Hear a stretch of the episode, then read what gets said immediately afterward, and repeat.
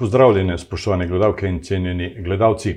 Idrijski župan Tomaš Vencel je ob letošnjem prazniku občine podelil nagrade in priznanja, in med temi nagrajenci je bila letos tudi Marija Velikonja iz Ledin, ki jo prav lepo pozdravljam v našem studiu. Dobrodošli. Hvala. Tudi jaz sem vesela, da sem v vašem krogu predstavljena Idriji in okolici, ker me verjetno zelo malo poznajo. Tu sem bila šele kot, od, že kot otrok in kasneje v nižji gimnaziji, potem pa sem dromala po svetu in se vračam šele po letih, ko sem v pokoju. Prej sem rekel iz Ledin, pa podatek ni povsem natančen. Uh, rojeni ste bili v, v Plužnjah. Plužnjah, ne v Pečniku. Ne. V Pečniku ste pa stanovali. V, v Pečniku sem živela med vojno pri starih starših, ker je uh, v družini, kjer je v Plužnah, kjer je živela moja mati, je bila gostilna in trgovina. Torej, tja so hodili vse vrste vojska, Nemci, Italijani najprej, potem Partizani, plužne so zažgali enkrat in zato se je mater izdelo, da je najboljše, če me stari starše pošle v pečnik. In jaz sem vojno preživela v pečniku. Ste sicer letnik 38. Tako je.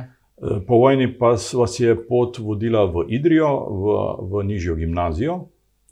Ja, štiri razrede osnovne šole sem končala v Ledinah, s tem, da leta 1945 ni bilo, smo kar preskočili nekatere razrede, ker smo, jaz sem znala brati in pisati, in so me dali kar drugi razred, to se pravi drugi, tretji, četrti v Ledinah. 13 let sem bila stara, ko sem šla v Idrijo, v internat in v nižjo gimnazijo.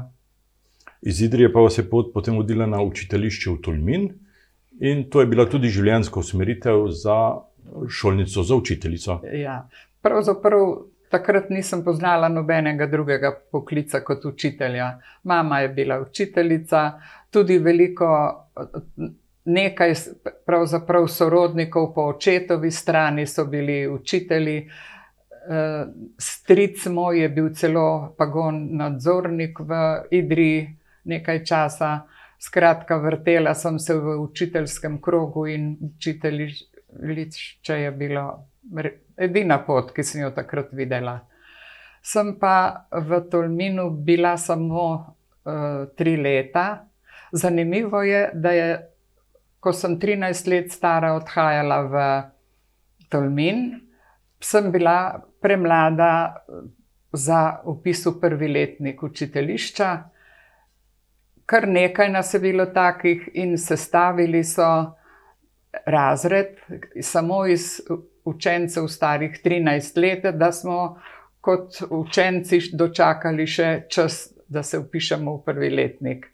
No, in v tem letu, pripravljalnici, so rekli, me je med drugim učila tudi Marija Šmalc, za katero sem kasneje ugotovila, da je eh, v Idriji preživela naslednja leta in se je takrat podpisovala Marija Baudaš.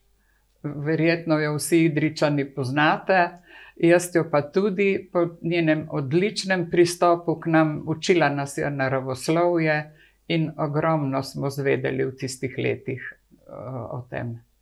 Potem vas je pot vodila v Ljubljano na dokončanje učiteljišča z upanjem, da boste pianistka celo.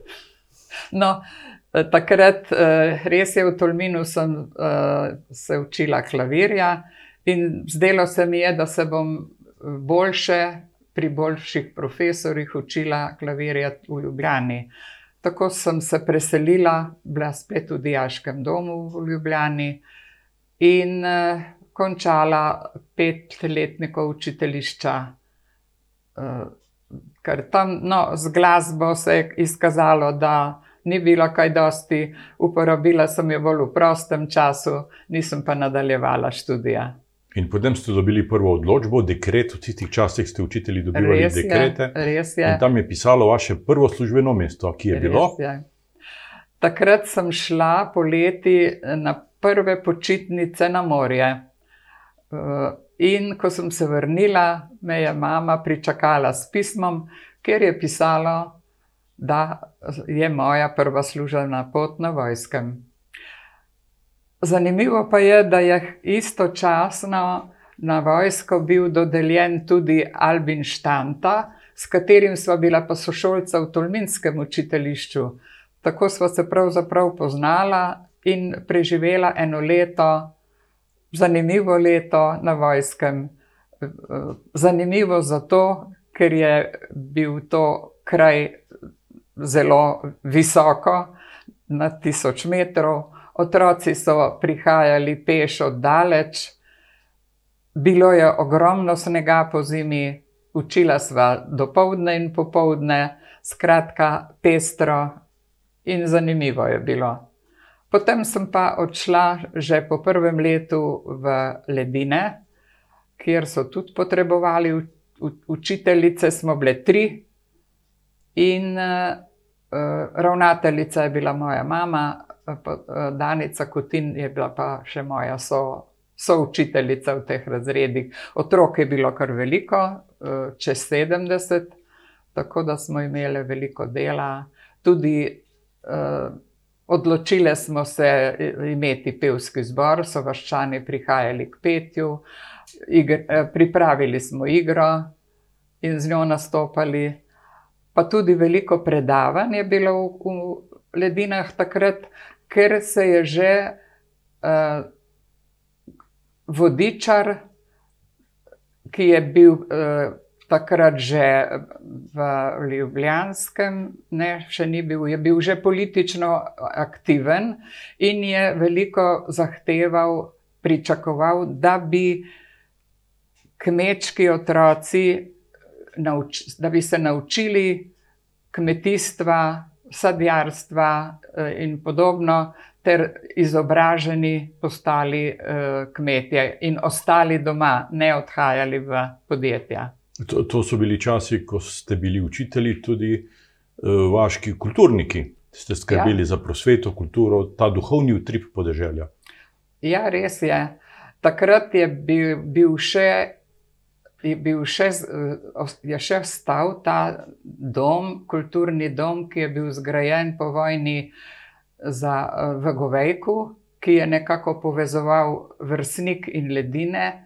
Oboje smo imeli sorazmerno daleč do tega doma, in mogoče je potem ravno to bilo razlog, da se je vse manj dogajalo v tej hiši, in je tako, da je hiša ni več, je porušena, in dobivamo se v ledinah, samo še ali v cerkvi, ali v na podstrešju v Župnišču, ali v Juričevi šupi, kjer bomo tudi tokrat ali pa tudi v poslopju šole, ki je še vedno isto, ista, eh, kot je bila v, v vašem času. Ja, samo da so prostori majhni, manj, to se pravi, pregradili so prostore, ker je otrok manj po samem razredu, in zato pa še vrtec, seveda, je v šoli, tako da je gneča velika. Iz ledine bilo, ste se selili v Poljane na Čkofijo Loko. Tam ja. ste, ste tam spoznali moža?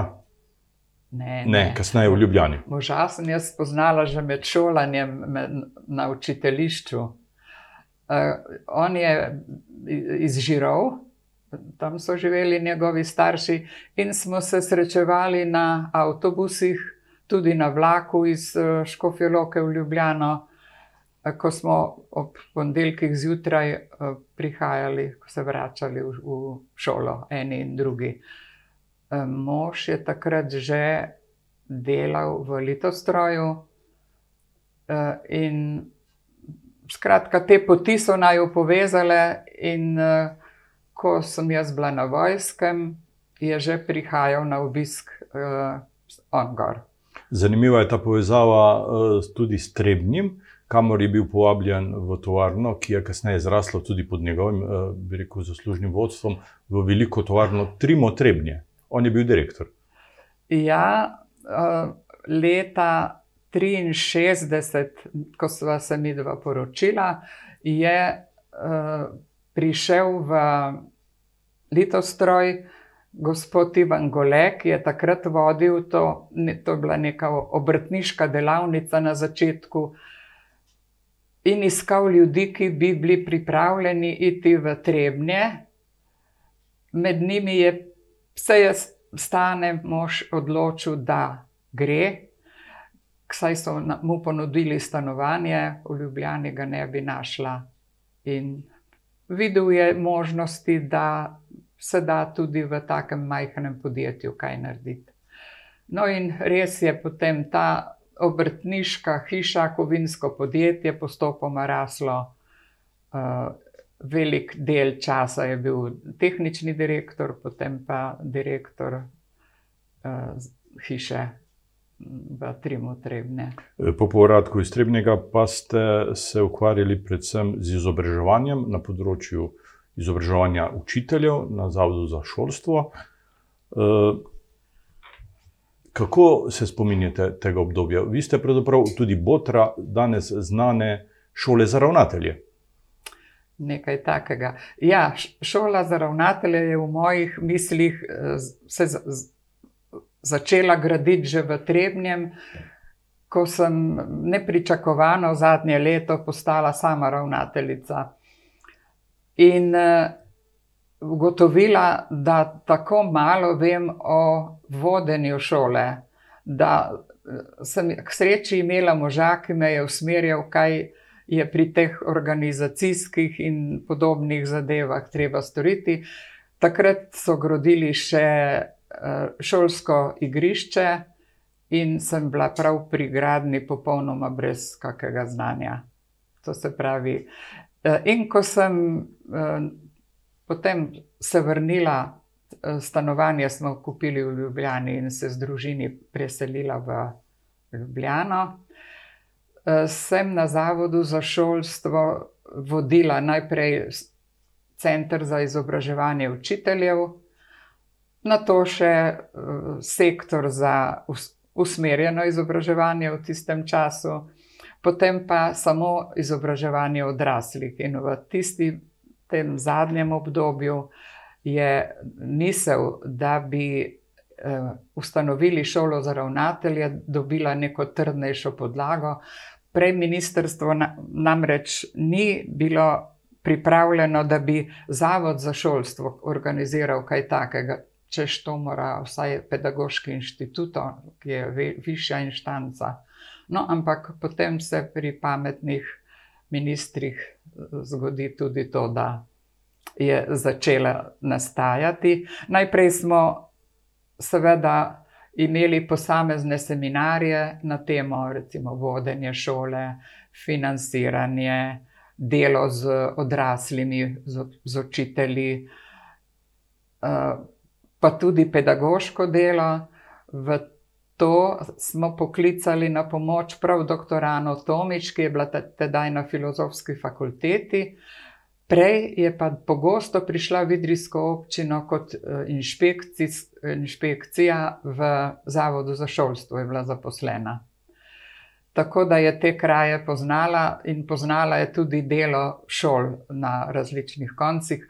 Ona je pa uh, poučevala ravnatelje o tem, kako nadzirati, kako spremljati učne nastope učencev Eh, učitelji morajo poučevati, ravnatelj pa mora presoditi, kako učitelj poučuje. In v tem so se tudi urili med drugim.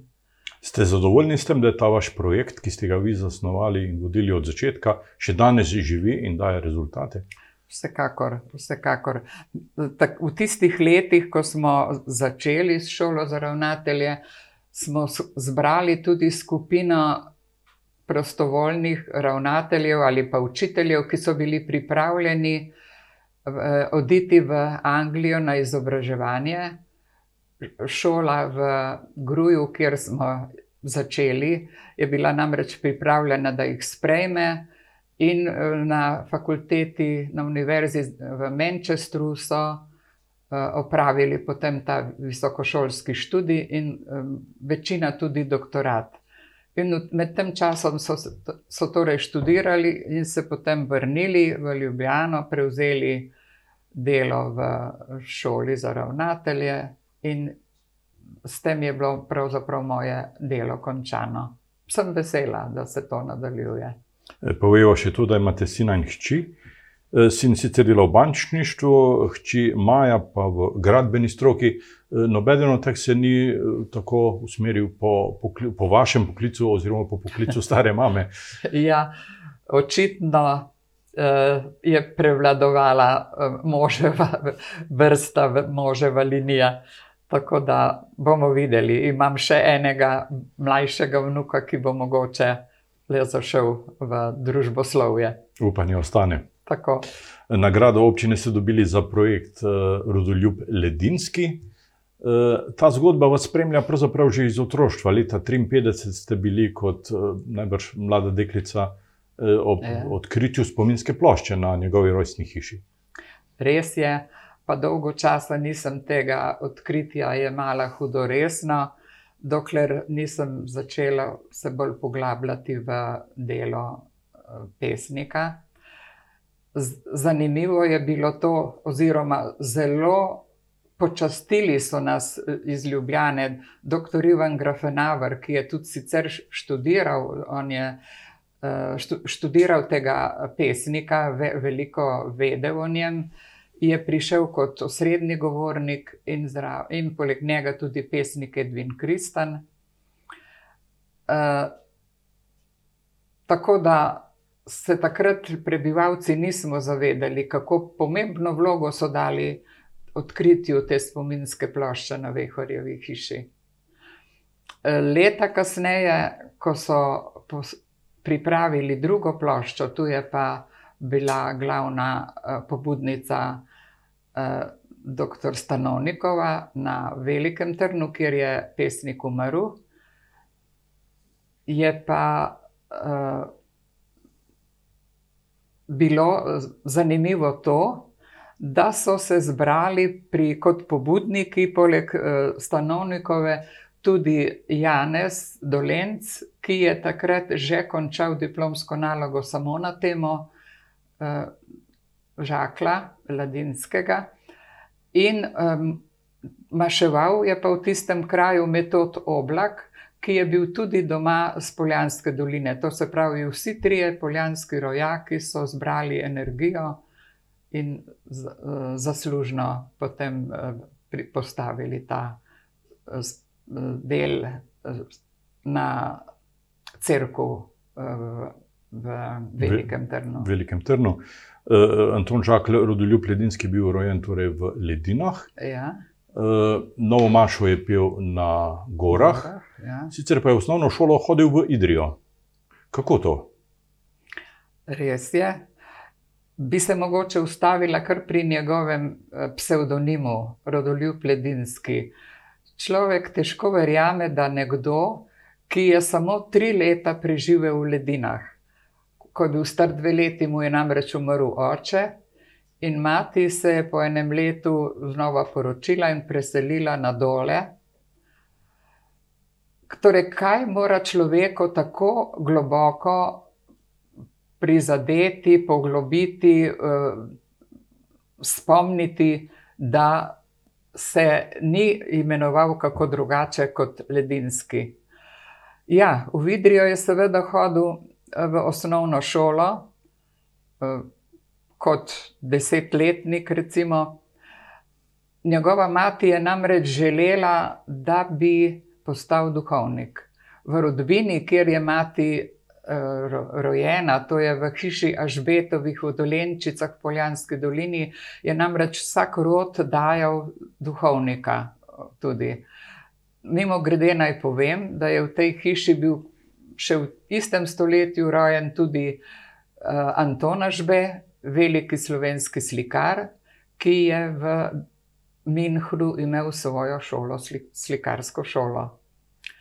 No, da se vrnem v Idrijo, to je bila, uh, pogledala sem že v 18. stoletju osnovna šola postavljena, če sem prav razumela, 1777 in to štiriletna, veljala je kot zelo dobro šolo in ni mogla upisati vseh ki so se želeli upisati v to šolo.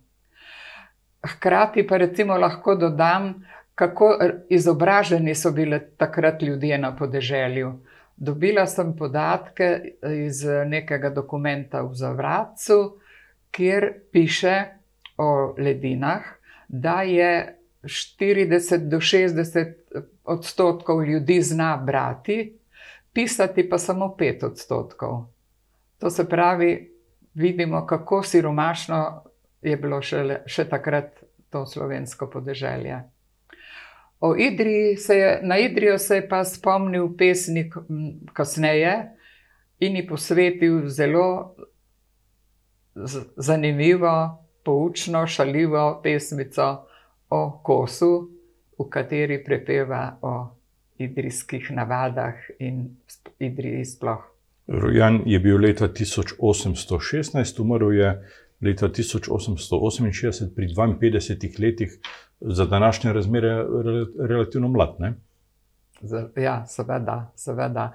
Mislim, da je njegovo življenje uh, bilo zelo težko. Prvi del, to se pravi, prvi 30 let, če govorim, da je 13 let star odšel v srednjo šolo, najprej v Ljubljano, potem v Karlovec in Novo mesto. Uh, so bila to njegova zelo srečna leta. On je bil vel, zelo vedeželjen eh, in hitro se je učil v Karlovcu. Ne smemo pozabiti, da je bila to takrat še Avstralska država, ne tudi Karlovec je bil v skupni državi. Je spoznal eh, ilirsko gibanje, stanka vraza, ljudemita Gaja, in, ste, in se takrat, poleg tega šolskega študija, navduševal tudi za gibanja, ki so nastajala zunaj šol, v, v njegovem okolju.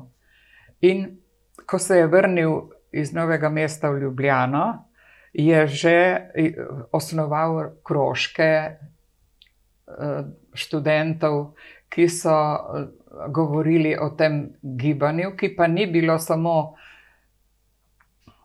ohranjanje eh, jezika hrvaškega, to je bilo pravzaprav eno izmed nalog ilirskega gibanja. Ampak je bilo tudi navdušenje za zbiranje domačega blaga, to se pravi, zanimivosti, pesmi, zlasti in prozo, in različne dogodke, ki so, ki so se ta čas pripovedovali, pa jih ni nihče zapisal, ker sem rekla, ljudje so bili nepismeni. E, kakšen pa je vpliv preširna? Živela sta skoraj v istem času. Ne? Ja, to se pravi, preširni je bil 16 let, ne starejši, ampak ja, seveda, preširna je uh, pesnik poznal, tudi osebno. Uh, bil mu je za vzgled, pravzaprav je poskušal zlasti v pesnjenju sonetov, se mu je močno približal. Ko smo zdaj preštevali njegove sonete, smo ugotovili, da jih je več kot 30 napisal, in velik del teh je objavljen v knjigi. Sicer pa je v tem krogu, v tistem času, ko je pa uh, študiral uh, teologijo, se je pa spoznaval še z drugimi osebami, ki so zbirale narodno blago. To je bil Poljak Emil Koritko, potem eh, zanimivo Rus Izmail, Izmail, moram pogledati. Uh,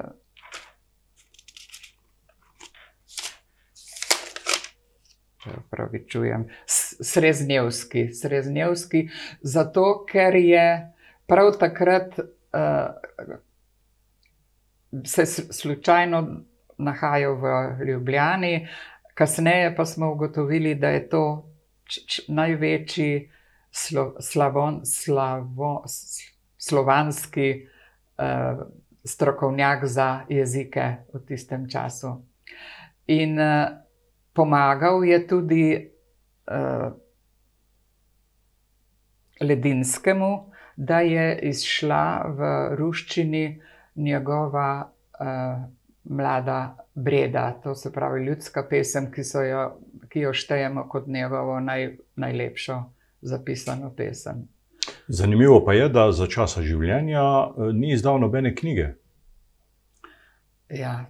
To se pravi, če je bilo to prvo obdobje do tega, ko je uh, končal študije, uh, njegovo srečno obdobje, se je potem drugi del njegovega življenja prevesil v čas z britkostmi in težavami, nerazumevanjem in mislim, da je bilo tudi to razlog, da se je njegovo življenje končalo prej, kot bi bilo možno.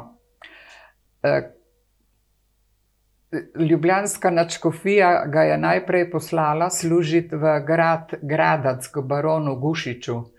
Takrat so plemiči imeli svoje duhovnike in pa domače učitelje.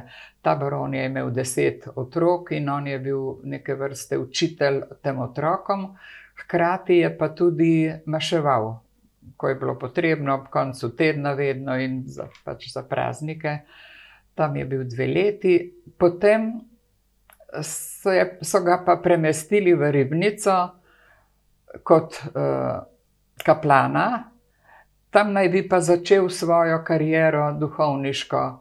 Ampak uh, župnik v tem kraju je bil že ostarel, ni zmogel svojega dela in tudi ni bil nikakršen mentor uh, Žaklu. To se pravi, človek, ki bi mu pomagal, svetoval uh, uh, pri duhovniškem delu. In mislim, da se je že takrat pravzaprav žakelj začel izgubljati to svojo energijo, ki, jo, ki bi jo lahko razvijal naprej. Ampak v, v tem času je pa že začel vse bolj pisati.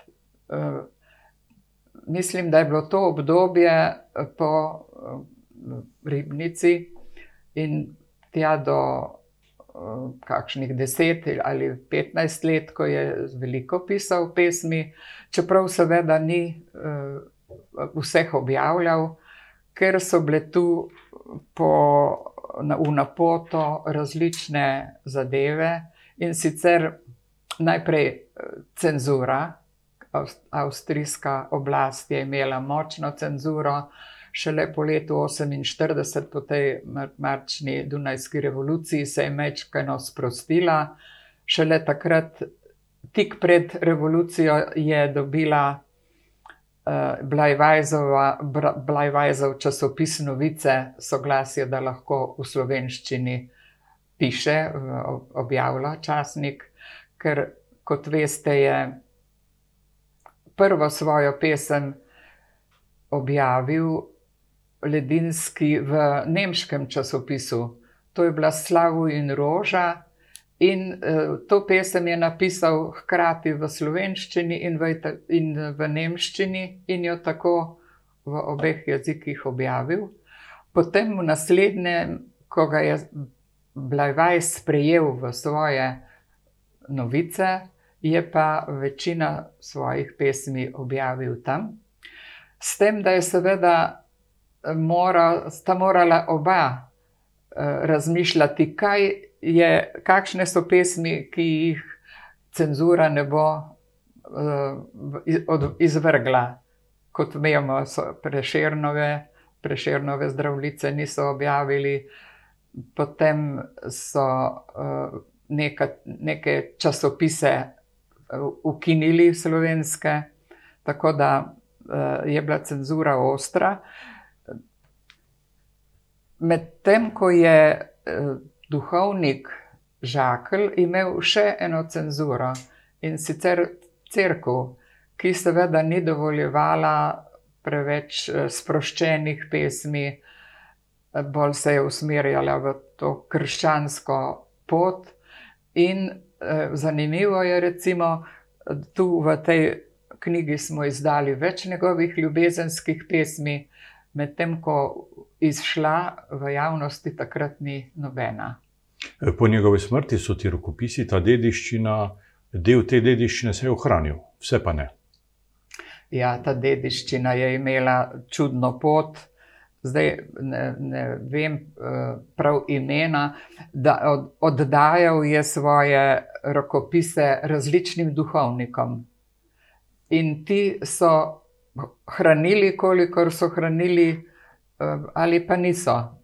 In šele ko je Viktor Steska, to je pa že bilo v, 19, v 20. stoletju, torej med prvo in drugo svetovno vojno v tem času, dobil rokopise, jih je uredil in dal v Ljubljanski načkofiji, da je bila varuhinja tega eh, gradiva. In tu smo tudi mi potem dobili eh, rokopise pesmi, da smo jih lahko objavili. Skupaj z Marijo Stanonik ste bila urednica te eh, nove knjige. Ste zadovoljni z upravljenim delom? Zelo. Mislim, da je pri nastajanju je bilo pravzaprav dolgo. Od časa, ko smo imeli v Ledinah prvo, prvo srečanje ob 200-letnici pesnikovega rojstva, potem, ko smo pripravili razstavo o pesniku, se je torej kar šest let je pote, poteklo, da smo iz Načkofije potem dobili rokopise, prepisali gradiva primerjali, eh, popravljali. Velika, veliko pomoč nam je bila, seveda, dr. Stanonikova, ki je tudi eh, te pesmi v knjigi posebej ocenila, pojasnila. Dela je bilo veliko in zelo, zelo smo zadovoljni, da je knjiga zunaj. Pravzaprav je to prva knjiga, prva izdaja njegove knjige. Medtem ko je živel po različnih krajih, kamor na Čkofije, kamor so ga pač namestili, se je uh, več ali manj zgubljal v tem svojem življenju, in nikogar ni bilo, ki bi mu ponudil, da bi pesmi izdal. Za časa Viktorja Steske, ta drugega, ki sem ga omenila, je sicer tekla beseda, da bi to izšlo, ampak uresničilo se pa ni. Nam lahko preberete vers ali dva, da slišimo ta zven uh -huh. te njegove poezije. Ja, eh, jez, jezik pesnikov smo ohranili, torej nismo spremenjali povsem uh, besed, ki, ki so ponekod starinske, nekatere so še uh, narečne. Potem so iz ilirskega jezika, tudi nekatere slovanskih jezikov. Prebrala vam bom uh, sonet, sem vajen bil. V njem, mogoče najprej povem, kako je veliko sonetov napisal prav na temo uh, tega ustrajanja, biti slovenec, pripadati slovencem. Takrat beseda slovenec še niti ni bila tako uporabljena. In uh, v tej pesmi prav to poudari, da želi ostati in da je ponosen na Slovenijo. Tako le pravi: Sem vajen bil po konci se nositi, sem trmoglaven bil in to ne malo. Naj carsko me oko je obsijalo, ne bil oči bi hotel ukloniti. Spoznati vendar moram, ne smem kriti, naj bi se srce boljše upiralo, pred materjo Slovenijo prezalo, trepet ponižen čutim, me obliti. To se pravi, v prvi kitici trdi, da se car, carskim oblastem ne bo ponižal, v drugi pa pripoveduje, Slovenija je tista, pred katero se čutim ponižen in jo ljubim. Verzi za, za vse čase. Res je, res je. Mislim, da moramo kar naprej poudarjati slovence. Eh, ni nas veliko, ampak ohranjati moramo ta ponos slovenski. In mislim, da je ta pesem, knjiga pesmi, lahko veliko spodbudo vsem v okolici. Idrija ima je imela že zdavnaj svojega pesnika, zdaj smo ga pa vendarle odkrili tudi javnosti. In ponosni ste lahko tudi ledinci, tudi današnji in prihodnji rodovi na, na tega prednika. Zagotovo mislim, da šele danes lahko spoznavamo, kako dragocenega človeka smo imeli, pa umetnika, ki ga nismo, na, ki nam nismo bili opozorjeni, zdaj pa uh, lahko prebiramo njegove ljudske pesmi in njegove avtorske osebne. Eh, Marija Velikonja, hvala za obisk v našem studiu, hvala za ta zanimiv pogovor. Eh, s čestitkami za prijetno nagrado, seveda še enkrat in željo, da bi v prihodnjih letih, desetletjih odkrili morda še kaj zanimivega o Ledinskem. Hvala. Zelo sem. Uh, Včasih mi je pravzaprav, da sem dobila na, nagrado Idrije, nikoli si nisem mislila, ker sem toliko časa živela zunaj nje. Tudi eh, zahvaljujem se moji skupini delovni v Ledinah, ki, je, eh, ki se je spomnila, da je predlagala mojo nagrado in, in vidim, da, ker se tako dobro razumemo v skupini, da ceni moje delo. Jaz bi pa uh, seveda povabila vse, da pridejo na predstavitve pesmi, ki bodo v Ledinah, v Idri in v Žireh. Eh, vam, spoštovane gledalke in cenjeni gledalci, pa hvala za pozornost in srečno.